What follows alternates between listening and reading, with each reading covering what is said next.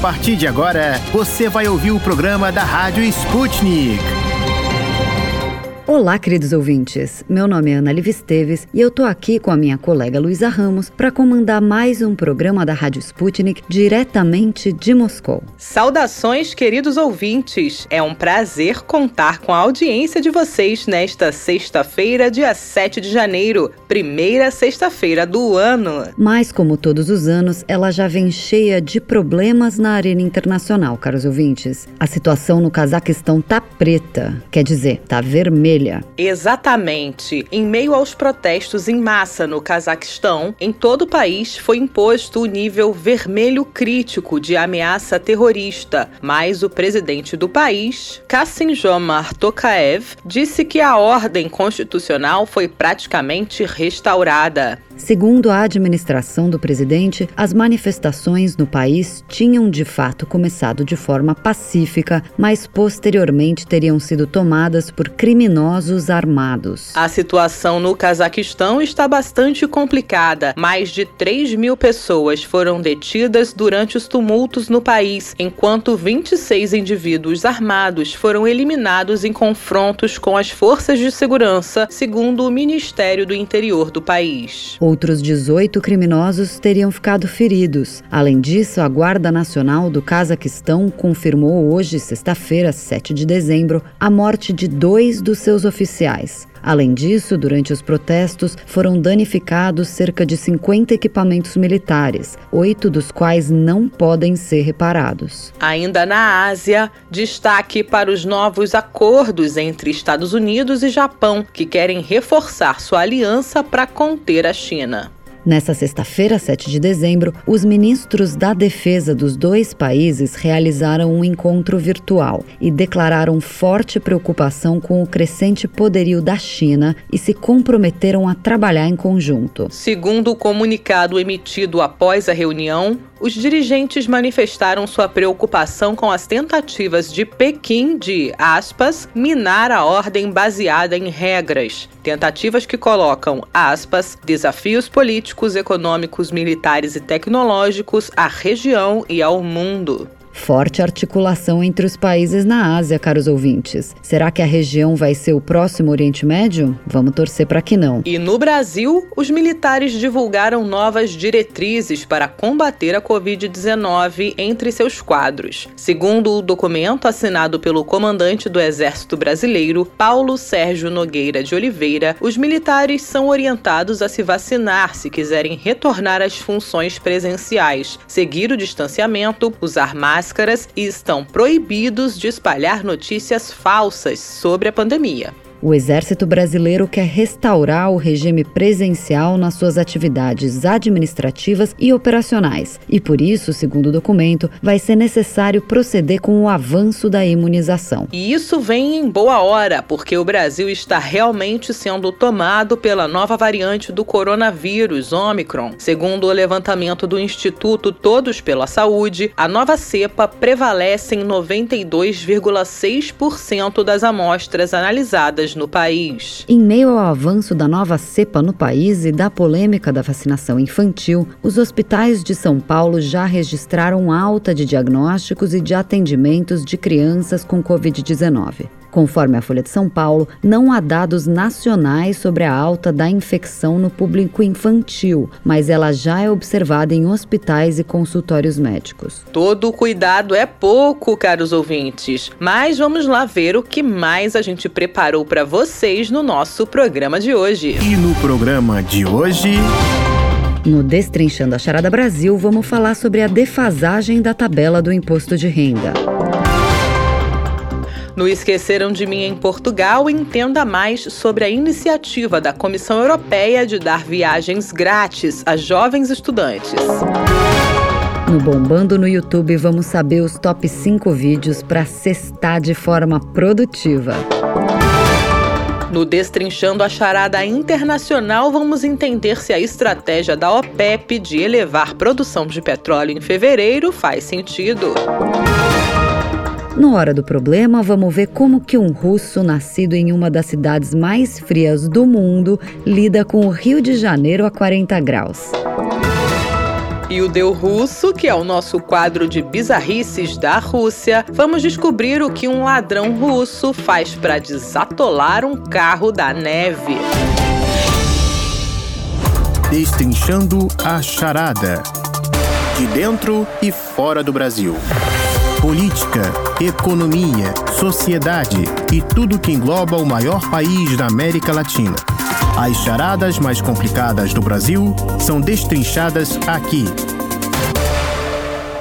Olá, ouvintes! No Destrinchando a Charada Brasil dessa sexta-feira, vamos falar sobre a defasagem na tabela do Imposto de Renda Pessoa Física uma defasagem que custa caro e é muito sentida em época de alto desemprego e crescimento da inflação. Associações e especialistas divergem em relação ao percentual de correção, mas todo mundo está de acordo que a parcela de contribuintes isentos deveria ser muito maior. De acordo com o levantamento da Associação Nacional de Auditores Fiscais da Receita Federal, a defasagem fará com que o leão cobre em 2022 149 bilhões de reais reais acima do que seria devido, caso os números fossem reajustados integralmente pela inflação desde 1996. A instituição estima ainda que mais de 15 milhões de pessoas que deveriam ser isentas do pagamento do imposto, se a tabela fosse atualizada, vão ser obrigadas a contribuir nesse ano. Atualmente estão isentos de pagar o imposto os brasileiros que recebem até R$ 1.903,98 por mês. De acordo com os cálculos da associação, se a tabela com defasagem de mais de 130% fosse atualizada, a faixa de isenção subiria para R$ 4.469,02.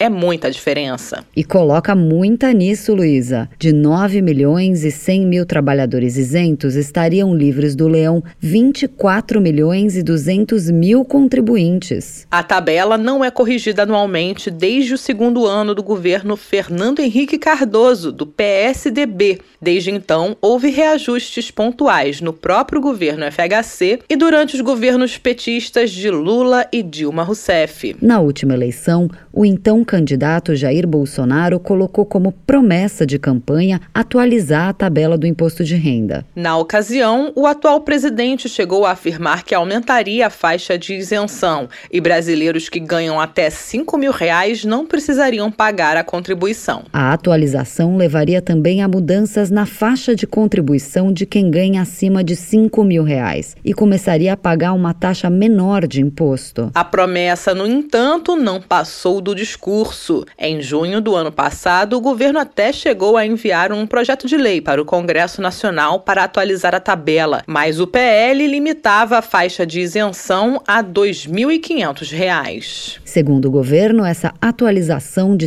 31% na faixa de isenção, aumentaria em 5,6 milhões o número de isentos. Para falar sobre este tema, convidamos Richard Domingos, diretor executivo da Confirp, Consultoria Contábil. Richard, muito obrigada pela sua participação aqui na Rádio Sputnik. Nos seus cálculos, Richard, qual é a atual defasagem na tabela do imposto de renda? Atualmente, a tabela do imposto de renda ela está em defasagem de mais de 130%. Se nós tivéssemos que corrigir a tabela pelos índices oficiais de inflação divulgados pelo governo federal desde a instituição do Plano Real, a tabela deveria ter sido reajustada em 388% de janeiro de 96. Isso equivale a dizer que hoje o limite do imposto de renda para efeito de isenção deveria estar na casa de R$ 4.394 e atualmente está em R$ 1.903. Uma grande defasagem que inclui diversas pessoas físicas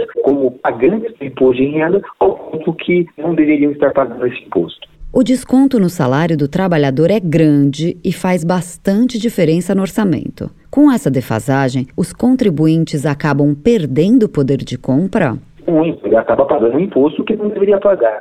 Só para você ter uma ideia, e os nossos ouvintes também terem uma ideia, se a tabela do imposto de renda tivesse sido corrigida pelos índices oficiais de inflação, hoje só estaria obrigado a entregar a declaração de imposto de renda quem recebesse acima de R$ 65.922 no ano de salário. Lembrando que atualmente, pela tabela atual, apenas é, o valor que obriga os contribuintes é R$ 28.559, ou seja, é mais do que o dobro do índice atual. Ou seja, somente estaria obrigado a entregar a declaração de imposto de renda quem recebesse mais de 65 mil reais, que é o dobro dos 28 mil reais hoje divulgados pelo governo. Essa defasagem afeta também outros valores, como os limites de deduções, por exemplo? Muito bem lembrado. As despesas com instruções, despesas com dependentes, o próprio desconto simplificado do imposto de renda, eles sofrem a mesma correção que o governo concede quando ele faz a correção da tabela do imposto de renda. Então, só para a gente ter uma ideia, hoje, atualmente, a legislação permite uma dedução com mensalidades escolares, seja pré-escola, ensino fundamental, pós-graduação, faculdades, no valor de R$ 3.561, que quer dizer nada, né? Hoje, em muitas escolas, isso talvez não pague nenhuma mensalidade. Mas, se essa tabela tivesse sido corrigida e também as despesas com instruções tivessem sido corrigidas, o valor que poderia ser deduzido por dependente, por contribuinte, seria R$ 8.301. Então, isso já mostra também uma defasagem muito grande no abatimento de despesas com instrução. E também aconteceria a mesma coisa com os dependentes. Hoje, atualmente, da legislação atual, apenas um contribuinte pode deduzir como despesa como dependente R$ 2.275. Se essa tabela tivesse sido corrigida, ele poderia deduzir em torno de R$ 5.273, mais do que o dobro do limite atual que é permitido a dedutibilidade do imposto de renda. Ou seja, isso sugere que o contribuinte normal hoje paga mais imposto que deveria pagar se essa tabela tivesse sido corrigida. Né? E nós estamos falando aqui de uma correção de algo que o contribuinte não teria o direito. Lembrando que a correção pela tabela do imposto de renda, ela é apenas para você não pagar o imposto sobre uma reposição salarial. E quando ele não corrige essa tabela do imposto de renda, ele faz com que o contribuinte comece a pagar imposto sobre o valor que ele recebeu de reposição salarial, que é para cobrir a inflação, e não o rendimento real. Logo, não há renda. E por isso que há uma injustiça fiscal não, não correção da tabela do imposto de renda. Além de pagar mais do que deveriam, os brasileiros ainda têm uma possibilidade de dedução menor. Então, realmente não está fácil para o contribuinte. Nem um pouco, Ana. Richard, muito obrigada pela participação. Ainda falando sobre esse tema, vamos conversar agora com o economista Josilmar Cordenonce, professor de finanças da Universidade Presbiteriana do Mackenzie. Olá, professor Josilmar. Muito obrigada pela sua participação aqui no programa da Sputnik. Qual que é o atual impacto dessa defasagem da tabela no bolso dos brasileiros? É, o impacto é grande, porque na medida que você deixa de reajustar a faixa de isenção, por exemplo, o salário está crescendo nominalmente, não está crescendo em termos reais, e mesmo não crescendo em termos reais, ele começa a entrar na faixa em que se incide imposto de renda. Então, a pessoa começa a estar tá ganhando a mesma coisa, por exemplo, em termos reais, com o mesmo poder de compra, mas ela começa a pagar imposto de renda, vamos dizer assim, indevidamente. E então ela pede renda por conta disso, que ela vai pagar imposto de renda não por conta que houve um aumento real do seu salário, mas sim porque houve inflação, por um fator que não está sob controle dela. O presidente Jair Bolsonaro chegou a afirmar que aumentaria para 5 mil a faixa de isenção durante a campanha em 2018. Apesar disso, o governo enviou um projeto para o Congresso Nacional com uma faixa de isenção de R$ 2.500. A promessa eleitoral do Bolsonaro seria viável em termos de impacto no orçamento atualmente? Olha, como a gente está vendo com a dificuldade do orçamentário que o governo está tendo, dificilmente isso é possível. O governo não está em posição, tendo déficit primário, não está em posição de abrir mão de receita tributária agora. E colocar a faixa de isenção a 5 mil reais, isso é, é populismo, puro e simples. Talvez ele lance isso em época de eleição, mas isso não tem fundamento, porque você pode pensar, você pegando a pesquisa do PNAD de renda do trabalhador, você vê que 50% das pessoas ganham menos que R$ 3.500 no país. Então, 5 mil reais é um salário muito alto para o Brasil e você deixar toda essa massa salarial sem tributação, o governo não tem como se financiar. Com base nisso, professor, qual poderia e deveria ser a taxa de isenção hoje em dia no imposto de renda? O imposto de renda, na verdade, é a melhor forma de tributação, se você for ver de um país. Porque quando você tributa as empresas através do lucro ou através dos seus produtos, quem vai pagar, na verdade, são as pessoas físicas.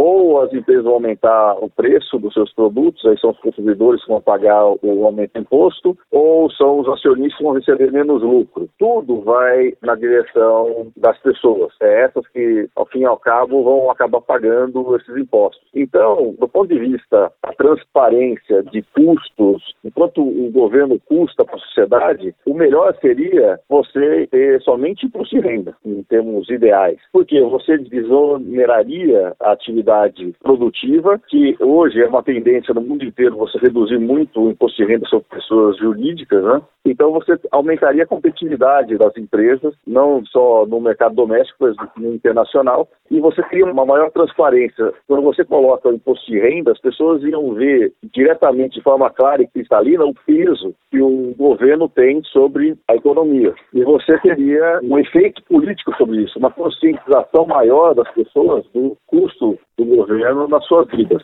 E possivelmente pautas para reduzir gastos do governo se tornariam populares, coisa que hoje em dia nem tanto. Pensando na economia, professor, quais são os impactos de hoje da defasagem na tabela do imposto de renda? Olha, você teria uma correção grande. Você está uma defasagem desde abril de 2015 em termos percentuais, quase, eu não fiz as contas, mas você sai de 1903 para que é a faixa de isenção, né, para 2.743, atualizando o IPCA desde abril de 2015. Isso aí, você tiraria a arrecadação, cairia, eu não sei estimar quanto que a arrecadação cairia, mas seria, sem dúvida nenhuma, bastante sentida pelo governo, numa hora que ele não está podendo abrir mão de receitas. Mas, com certeza, isso vai ser discutido, vai ser colocado na campanha, para ter, talvez, até um regime de atualização. O problema nosso de cair numa certa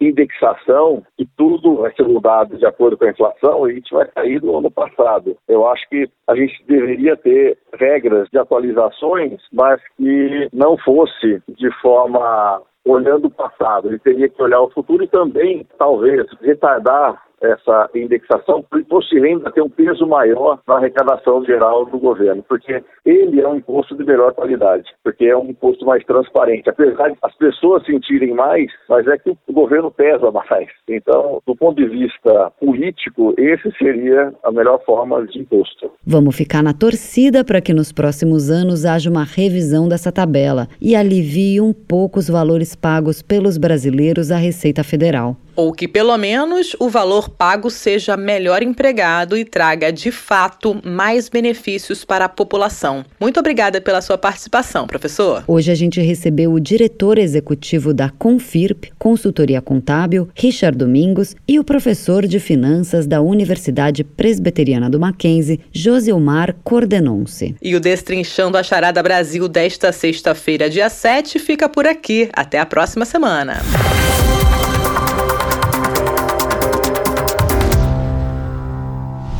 Esqueceram de mim em Portugal. Senhoras e senhores passageiros, apertem os cintos de segurança porque estamos prestes a decolar rumo a Portugal. A tripulação Sputnik Brasil deseja a todos uma ótima viagem. Bom, vamos agora ao nosso boletim com cheiro de alecrim e gosto de pastel de nata. Luísa Ramos, tem notícias boas nessa sexta-feira, dia 7 aí em Portugal? Olha que legal, Ana. Coisa boa para os jovens portugueses e de outras nações da União Europeia também. No ano passado foi lançado um programa chamado Discover EU e quase 12 mil jovens portugueses fizeram a candidatura para adquirirem um passe de viagem gratuito da Comissão Europeia para explorar os vários países da UE. A Espanha foi o país com mais candidaturas, seguida da Alemanha e da Itália. Nossa, coisa boa mesmo. É aquele passe Interrail, né? Eu acho que eu já ouvi falar. Pode usar os trens em toda a União Europeia para quem curte viajar no esquema de mochileiro. E os portugueses se deram bem nessa? Sim, eu já fiz isso quando era jovem intercambista. Foram 28 dias de aventuras pelo velho continente, eu e minha mochila. Até ferry boat noturno para a Grécia eu peguei, incluído no ticket de trem. Só que eu comprei o meu Por isso que eu achei tão interessante a iniciativa da Comissão Europeia, que começou em 2018, de dar esse presentão aos jovens de 19 e 20 anos. Foi um total de quase 334 mil candidaturas e vão ser distribuídos 60.950 passes. Agora saiu o resultado. Os contemplados foram, na maioria, jovens alemães, mais de 10 mil selecionados. Jovens espanhóis e italianos ficaram entre 6 e 7 mil beneficiados pelo programa. E em Portugal, 1.400 jovens vão poder passar a primavera em clima de mochilão. E esses jovens viajam sozinhos, em grupo? Como é que funciona? Sozinhos ou num grupo de até cinco pessoas entre março de 2022 e fevereiro do ano que vem, durante um máximo de 30 dias, utilizando quase sempre os trens, com foco em mobilidade. Ah, quem dera eu tivesse uns 20 anos agora. Seria o melhor presente no ano da juventude. Isso mesmo, Ana. E a comissária para Inovação, Investigação, Cultura, Educação e Juventude, Maria Gabriel, disse aspas: "Que boa maneira de começar o Ano Europeu da Juventude, com o anúncio dos resultados da Discover EU. Queremos que este ano seja uma celebração de todos os jovens. Multiplicaremos as oportunidades para eles ao longo do ano, por exemplo, aumentando o número de bilhetes para a Discover EU na próxima ronda, que terá lugar na primavera de 2022. Ou seja, pessoal, tem mais chances aí para quem não foi selecionado dessa vez, para conseguir o passe grátis em breve. Passa mais dicas para os jovens europeus e até para os brasileiros com cidadania europeia, Luísa. Como é que eles fazem para ter mais informações sobre isso? Claro que sim. Olha, no dia 17 de janeiro vai rolar uma sessão de perguntas e respostas na conta de Instagram European Youth, onde os participantes vão poder esclarecer dúvidas que têm relacionadas com a futura viagem. Sigam por lá, é a conta do European Youth, que é European Youth, que é Y-O-U-T-H underline E-U, para saber mais sobre as datas para se candidatarem. Alô, galera dos 20 anos, não vão perder essa chance. bombando no YouTube.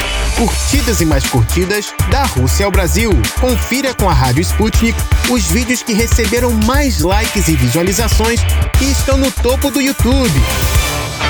E fique por dentro do que está sendo filmado por amadores ou profissionais pelo mundo afora sextou na vida real e na internet, e por isso a gente vai saber o que está em alta nas redes sociais e, logicamente, no YouTube. Bora convocar o nosso amigo especialista em vídeos, Tito da Silva, direto da redação da Sputnik Brasil em Moscou. Olá, queridos amigos da Rádio Sputnik. Eu sou Tito da Silva e estes são os vídeos que estão bombando no YouTube nesta sexta-feira, 7 de dezembro. No topo da lista, de acordo com informações passadas pela defesa britânica a meios de comunicação do Reino Unido. Uma fragata do país colidiu com um alegado submarino russo em 2020. O incidente, que teria ocorrido no Atlântico Norte, se deu quando o submarino colidiu com um sonar a cabo da fragata. Após a colisão, o navio teve que seguir para um porto para reparar o equipamento. Embora não se tenha informações oficiais, militares britânicos acreditam que o submarino russo teria sido danificado. Será que a colisão ocorreu mesmo? Se sim, este seria o primeiro incidente do tipo a vir a público desde a Guerra Fria. Se você quer maiores detalhes do alegado incidente, é só você digitar no YouTube: Fragata Britânica colidiu com o submarino da Rússia em 2020, diz mídia. E no segundo vídeo de hoje, o presidente do Cazaquistão, Kassim Jamar Takayev, fez um pronunciamento à nação sobre os violentos acontecimentos que se alastraram por todo o país. Takaev frisou que as ações de manifestantes violentos, que já mataram vários agentes de segurança pública do país, foram coordenadas e pré-planejadas, se distinguindo de protestos espontâneos. O presidente também afirmou que entre os agressores existem cidadãos estrangeiros e prometeu medidas duras contra os autores da onda de violência que inicialmente começou com protestos contra o aumento do preço do gás. Takaev disse que ordenou às forças de segurança cazaques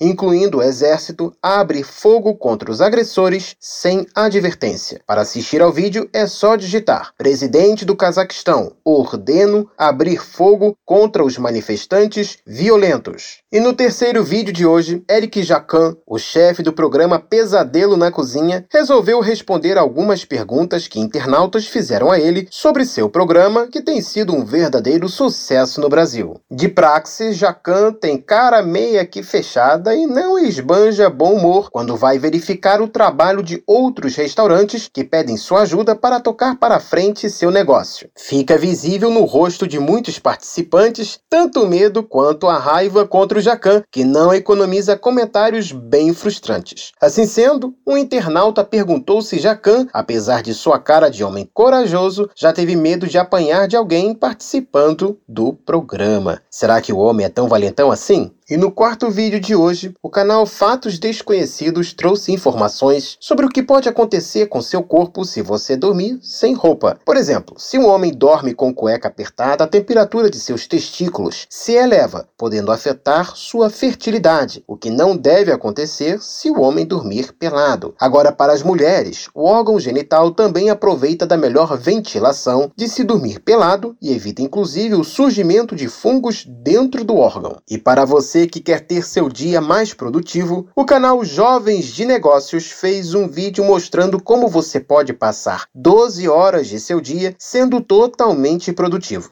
Embora muita gente ache que ser produtivo é fazer várias coisas ao mesmo tempo, o canal explicou que não é bem assim e que é melhor você se focar em uma coisa só do que em um monte de tarefas. Mas para isso você precisa antecipadamente ter um programa ou talvez uma agenda, o que não parece ser muito animado para muita gente. E por hoje é só, pessoal. Até mais! Olha, eu adoro programas de competição de culinária, mas literalmente sou um pesadelo na cozinha. O Jaquim ia me massacrar no programa dele. Eu, apesar de estabanada, sou até boa nos temperos, mas prefiro delegar a função sempre que possível. Ah, você é das minhas então, Lu. Eu adoro quando cozinham para mim.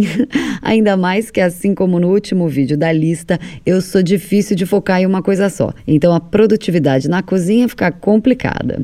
Bom, bora deixar nosso espírito multitarefas de lado, Ana, que o fim de semana tá chegando e vamos aproveitar. Bom fim de semana para você, Tito.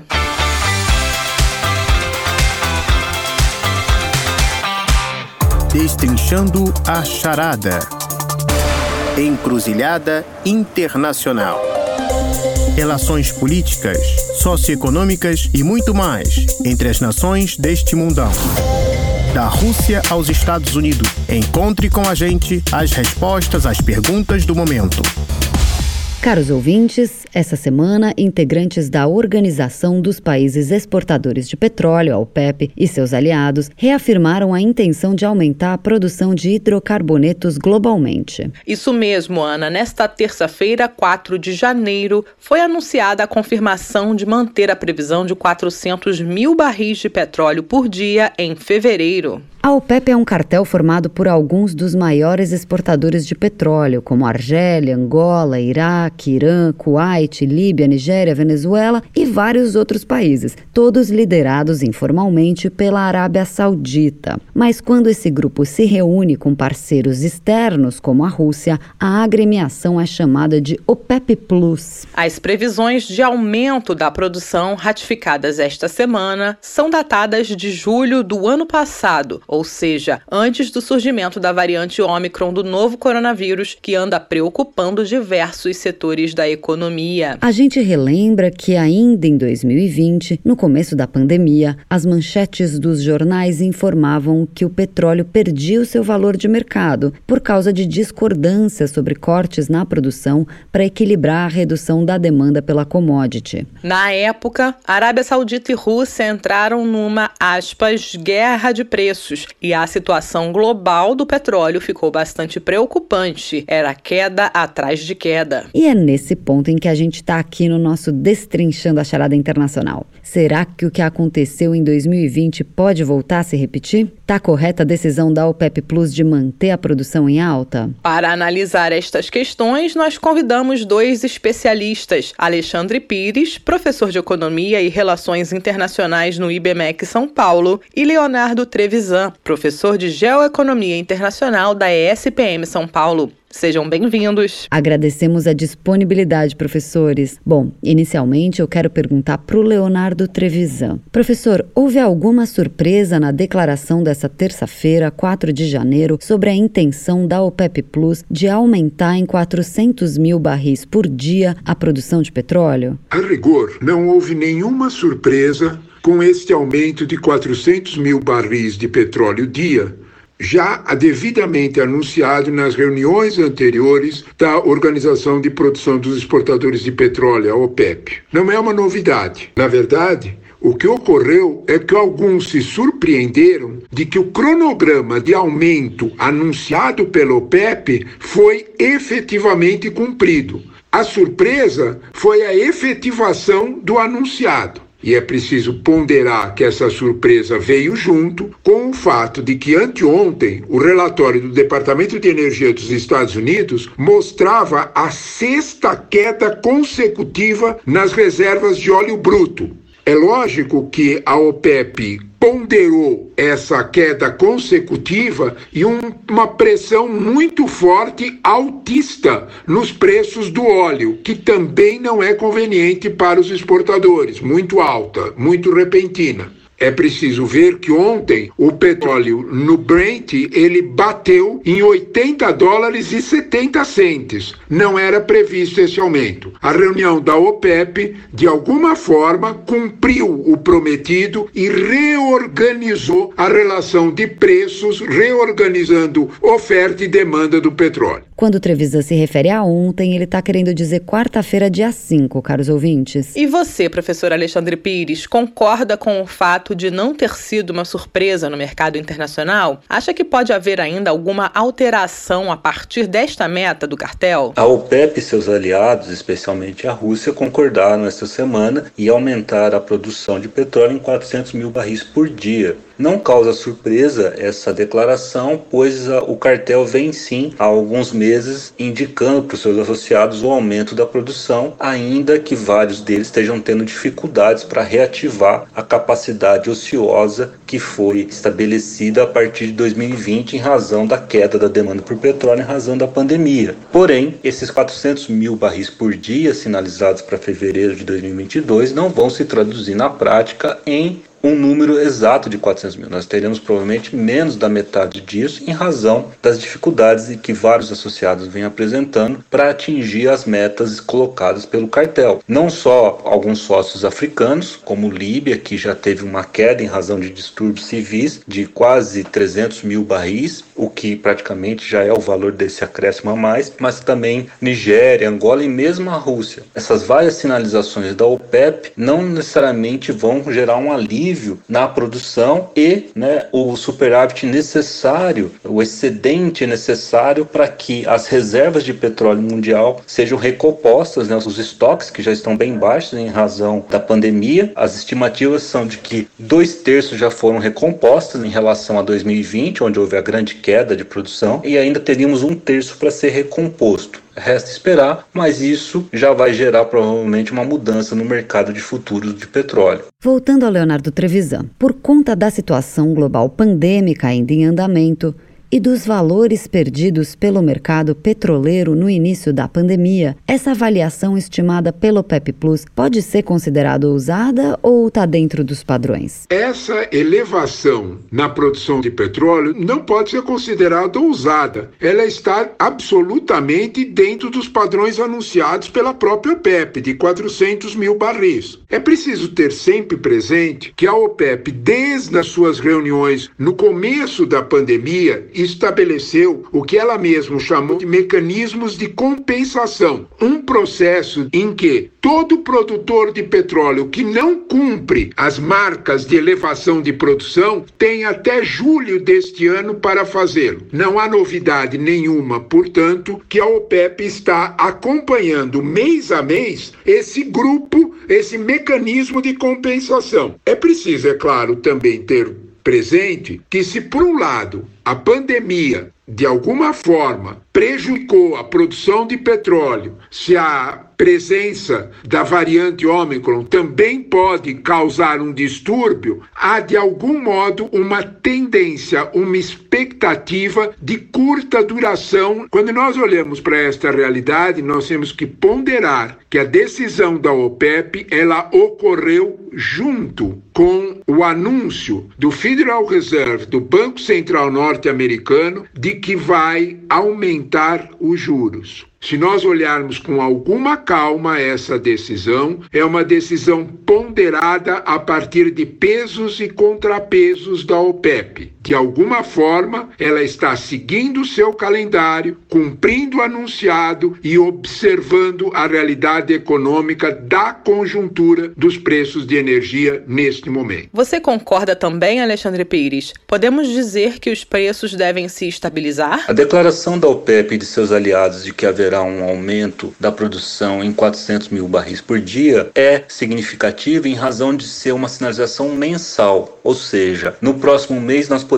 ter outro incremento, no mês seguinte outro incremento. Então, 400 mil barris por dia é algo significativo. Haja vista que os aumentos anteriores também não têm sido alcançados como pretendido em razão das várias dificuldades pelo que os associados têm passado para reativar a sua produção. Nós ainda estamos muito acima do preço do barril pré-pandêmico, que era de 50 dólares. Nós já tivemos uma alta, ele chegou muito próximo ali de 100 dólares, um recuo, né? E agora nós voltamos a ter o petróleo na casa de 80 dólares. Né? Ou seja, ele está subindo mesmo com esse aumento da produção nos últimos meses por parte da OPEP. Então, ainda não é ousado no sentido de reverter o preço do barril, mas é significativo tendo em vista as dificuldades dos sócios em conseguir cumprir ali os acordos do cartel para aumento da sua produção. Agora eu pergunto para o professor de Geoeconomia Internacional, Leonardo Trevisan. A produção da Líbia mostrou um forte recuo recentemente, com distúrbios civis e a manutenção da infraestrutura dos oleodutos. O que significa esse fato para o mercado internacional? A questão da Líbia, como uma produtora de petróleo importante, relevante, histórica, tem o seu peso também. Nas três grandes regiões produtoras de petróleo na Líbia, Líbia está imersa numa realidade de guerra civil, numa realidade em que há distúrbios militares, senhores de guerra disputando poços de petróleo. A imprensa internacional tem sido muito constante em revelar esse risco. Se a Líbia, que é um produtor médio, pode oferecer algum risco para a produção, nós temos que ter presente que outros produtores no mundo, com teor, com poder de, de produção pra, próximo ao da Líbia, estão esperando a sua oportunidade para subir seus valores. Eu estou falando de Angola, eu estou falando de Argélia, eu estou falando até mesmo de Venezuela. Quando nós olhamos para esta realidade, nós vemos que a OPEP tem em outras palavras, várias cartas na mão para substituir possíveis produtores que enfrentem problemas como o da Líbia. É verdade que a Líbia é um produtor importante, histórico, com conexões mais fáceis de oferecer esse petróleo no mercado internacional, porque exatamente pelas suas possibilidades já instaladas. Por outro lado, há candidatos sim para repor a produção da Líbia em tempo bastante, digamos assim, promissor e suficientemente para evitar oscilações muito fortes de risco. Professor Trevisan, quais são as previsões de preços do barril de petróleo para este 2022? Como isso deve afetar as relações e tensões internacionais? A oscilação do preço do petróleo para 80 dólares Assim que o Departamento de Energia americano avisou numa sexta queda consecutiva de produção, é um sinal de que previsões no preço do petróleo vão sofrer fortes oscilações ao longo de 2022. É evidente que preço de petróleo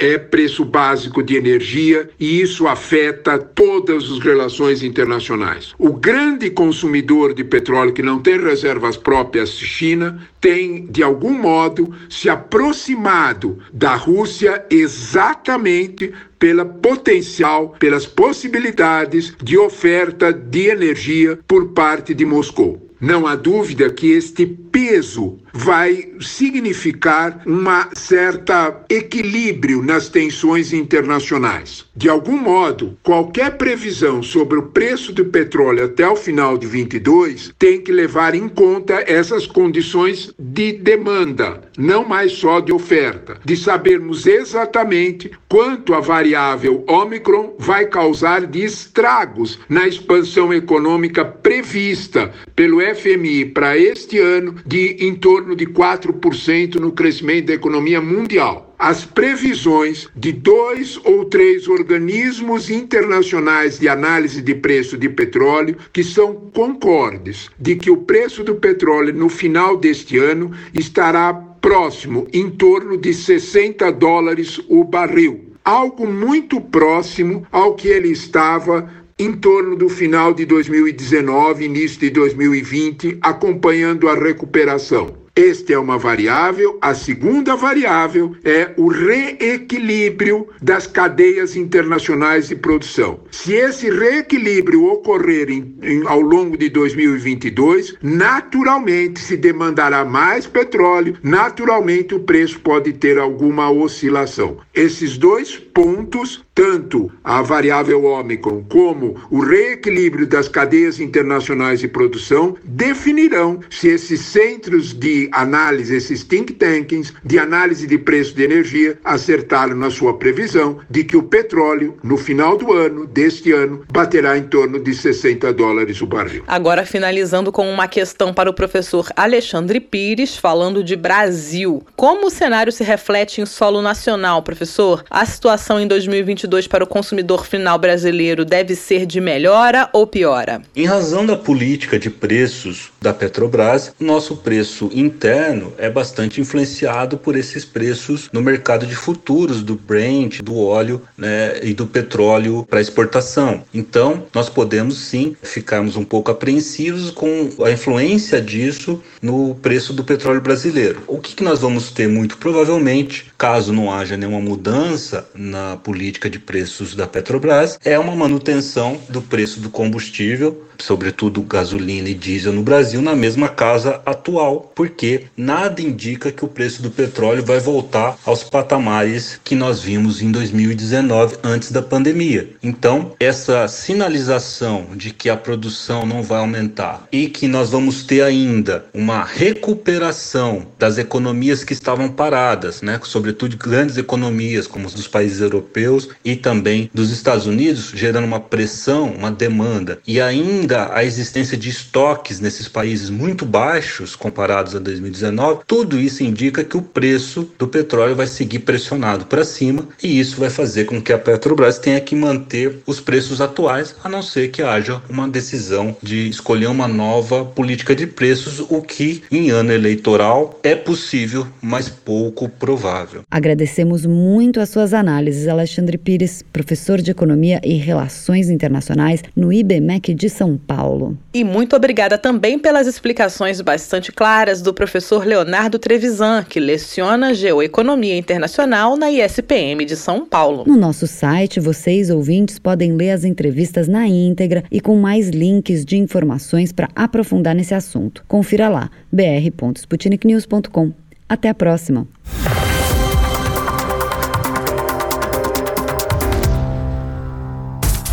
Hora do problema. Sabe aquela história que é melhor nem contar de tão complicada que é? Perrengue na Rússia, sufoco no Brasil e muito mais. Sente aí que lá vem história.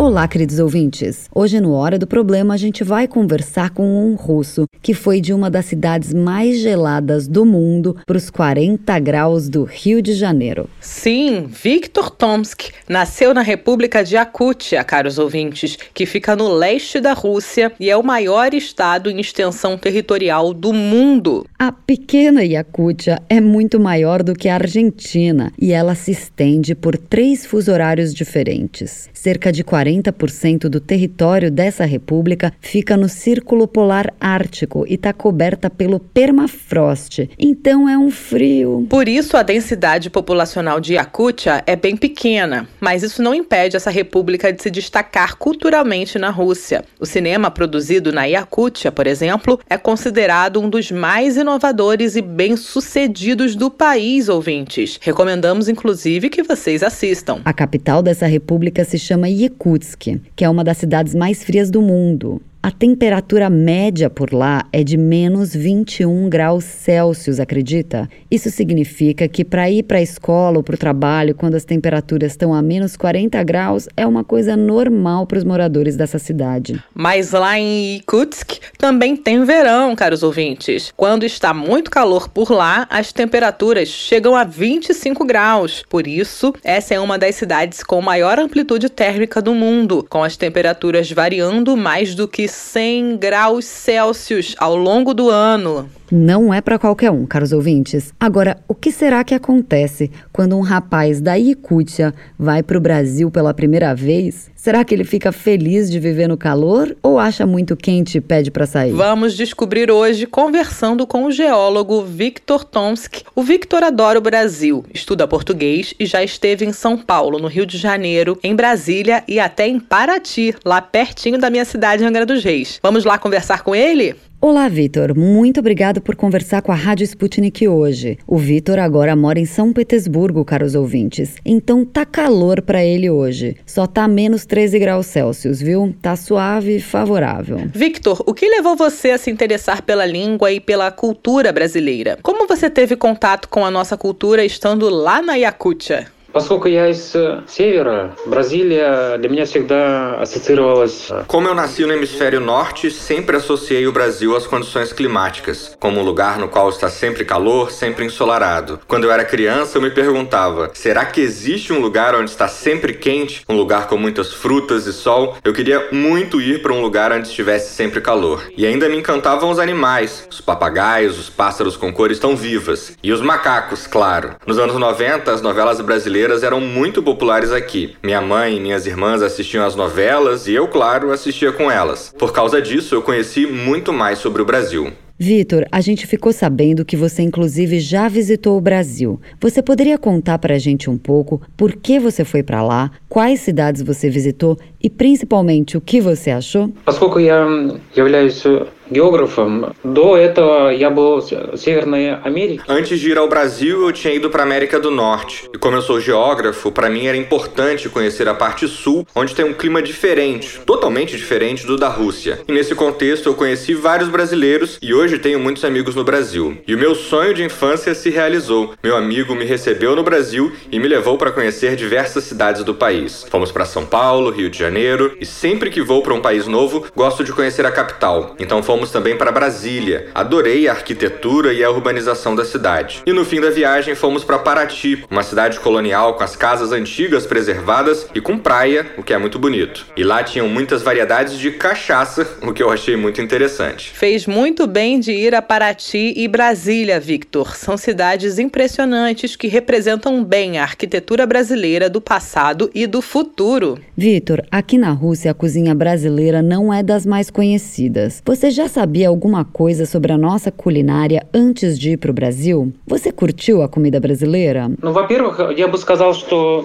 у нас в России бразильская em primeiro lugar, na Rússia, a cozinha brasileira não é nem um pouco conhecida. Ninguém conhece. Talvez só conheçam os sucos, mas não passa disso. Eu conheci a culinária brasileira na China quando fui para lá estudar. Na China, quando um restaurante tem sistema de rodízio, se chama restaurante brasileiro, mesmo que o rodízio seja de outros alimentos e não de carne. E depois no Brasil, eu realmente conheci a comida brasileira. Como eu gosto de comida apimentada, eu adoro a culinária baiana e nordestina, que é mais apimentada e saborosa. Eu amo acarajé, muqueca, bobó de camarão e ainda citaria o frango com quiabo. É um prato muito especial com uma textura única. Adoro. Nossa, quanto tempo eu não pensava em quiabo, gente. Eu tinha me esquecido da maravilha que é um frango com quiabo, ainda mais com uma farofinha para acompanhar. E eu concordo plenamente com o Vitor que a comida baiana realmente se destaca. Victor, você comentou que gosta de comida apimentada. Então quer dizer que você gosta de algo mais quente. Como é que foi para você, que veio de uma das regiões mais frias do mundo, aguentar o clima brasileiro? Для меня самое любопытное это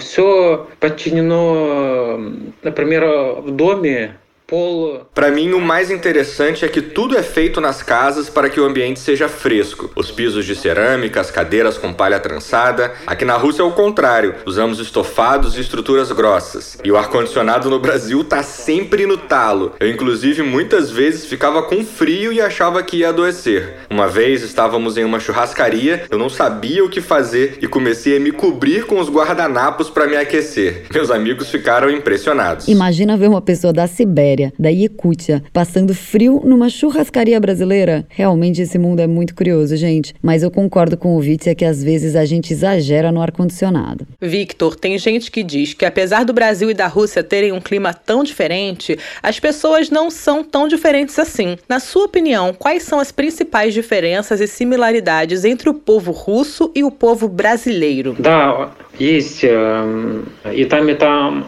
бардак, Brasília, Sim, tanto no Brasil quanto na Rússia tem bastante desorganização. Nos dois países é possível sempre dar um jeitinho, contornar as regras. Não é como na Finlândia ou na Alemanha. E por isso, quando eu fui para o Brasil, às vezes me senti em casa. Sobre as diferenças, na Rússia as pessoas são mais diretas, falam o que pensam. No Brasil, por outro lado, todo mundo sorri o tempo todo. Quando você conversa com brasileiros, eles logo dizem que você é o melhor amigo deles e que amanhã mesmo a gente vai se encontrar de novo e sair sair juntos. Mas muitas vezes não é nada disso. Mesmo quando perguntam como você está no Brasil, nem sempre é porque a pessoa quer realmente ouvir e saber como você está. Ele só fala isso por cordialidade. Na Rússia, se você pergunta como você está, é porque realmente quer saber como a pessoa está. Essa é uma grande diferença, na minha opinião. Isso é bem verdade, viu? Além do jeitinho brasileiro, tem o famoso jeitinho russo também. Pouca gente sabe disso. Todo mundo imagina que a Rússia é bem severa, né? Mas aqui tudo se conversa conversa, tudo se negocia, com muita manha, claro. Ô Victor, e você comentou que assistia novelas brasileiras com a sua família quando era criança, né? Quando você foi pro Brasil, você teve algum contato com os nossos artistas?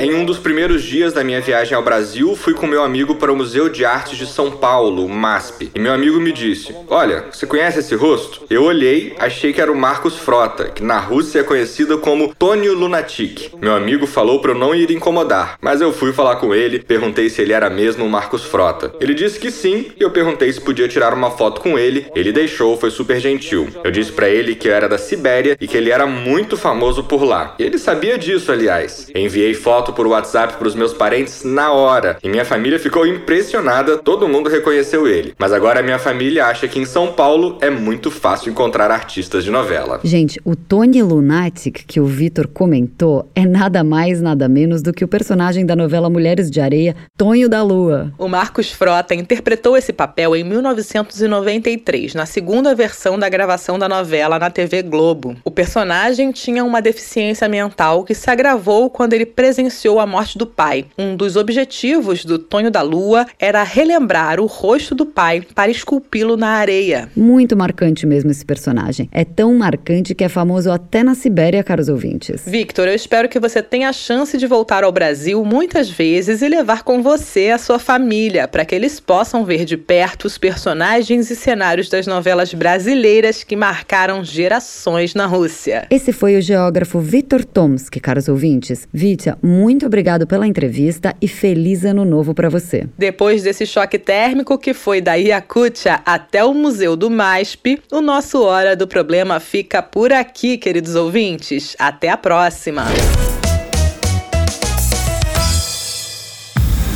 Não se esqueça de ler, curtir e comentar nossas matérias no site br.sputniknews.com.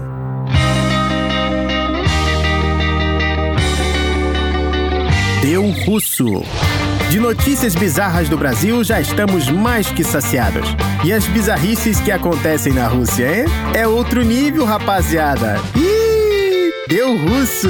Queridos ouvintes, Sabe quando você quer ir de carro para uma praia afastada, deserta, linda, mas para chegar lá precisa passar por aquela estradinha de terra? E sabe quando chove aquela chuva torrencial de verão brasileiro e a estradinha de terra vira um lamaçal gigantesco e seu carro atola? Então, aqui na Rússia, de vez em quando isso também acontece, mas ao invés de lamaçal, o problema daqui é a neve. E essa semana, várias cidades da Rússia tiveram uma das maiores tempestades de neve dos últimos 40 anos, inclusive a bela capital no norte do país, São Petersburgo. Quando neva desse jeito, os carros ficam totalmente atolados e é muito difícil para o motorista tirar o automóvel da vaga. E pelo visto, fica muito mais difícil roubar os carros das pessoas também. Mas um ladrão russo que se acha muito esperto decidiu achar uma solução para esse pequeno problema. Exatamente, caros ouvintes. Ele decidiu contratar uma empresa de guincho para desatolar o carro alheio para ele. O guincho veio e o ladrão jurou de pé junto que o carro era dele, mas que os documentos estavam do lado de dentro. Por causa da neve toda, nem abrir a porta do carro ele conseguia. A ideia é louca, mas o processo é lento. E enquanto o pessoal do guincho fazia o seu trabalho sem pressa nenhuma, chega o real dono do carro. Quando o dono do carro entende o que está acontecendo, saca o celular e começa a filmar tudinho. No vídeo, o dono do automóvel conversa com o ladrão e tenta entender por que cargas d'água ele tentou fazer isso com ele. Ele explica que ainda está pagando as prestações do carro. O ladrão fica um pouco mexido com o sofrimento da pessoa que ele estava prestes a roubar e sai correndo. O dono do carro até que corre um pouquinho atrás dele. Os dois não conseguem correr muito rápido não, porque tem muita, mas muita neve no chão. O ladrão derrapa no gelo e não consegue correr mais. Mas o dono do carro logo desiste da perseguição e lembra ao ladrão que o rosto dele está gravado por vários minutos no vídeo. Esse ladrão, além de ter contratado um guincho para roubar um carro para ele, ainda achou normal ficar lá conversando com o dono do automóvel e participando do vídeo que o cara gravava durante vários minutos. Esse ladrão é bem relax, viu? Não deve ter sido tão relax ficar dois dias preso lá em São Petersburgo. O ladrão pagou a fiança e aguarda agora seu julgamento em liberdade. Será que ele pelo menos pagou o cara do guincho? Olha, Ana, parece que sim. E já que estava pago, o guincho acabou tirando o carro do atoleiro de neve. Então, pelo menos esse trabalho, o dono do carro não vai mais ter.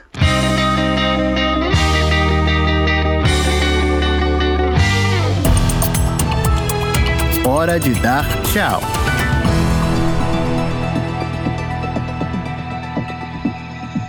Queridos ouvintes, o nosso programa da Rádio Sputnik dessa sexta-feira, 7 de janeiro, fica por aqui. Foi um prazer contar com a audiência de vocês nessa hora cheia de notícias, análises, cultura e entretenimento. Segunda-feira a gente volta, mas para você não perder nadinha, fique ligado nos canais da Sputnik Brasil no YouTube e no Telegram. Nossos colegas do site br.sputniknews.com também estão ligados 24 horas para você ficar por dentro de tudo E não se esqueçam que hoje, sexta-feira, dia 7 de janeiro, às 15 horas, no canal do Zenon Instituto Cultural, vai ser divulgada a peça no nosso querido compositor brasileiro Wellington Gomes. Vamos ouvir um trechinho? E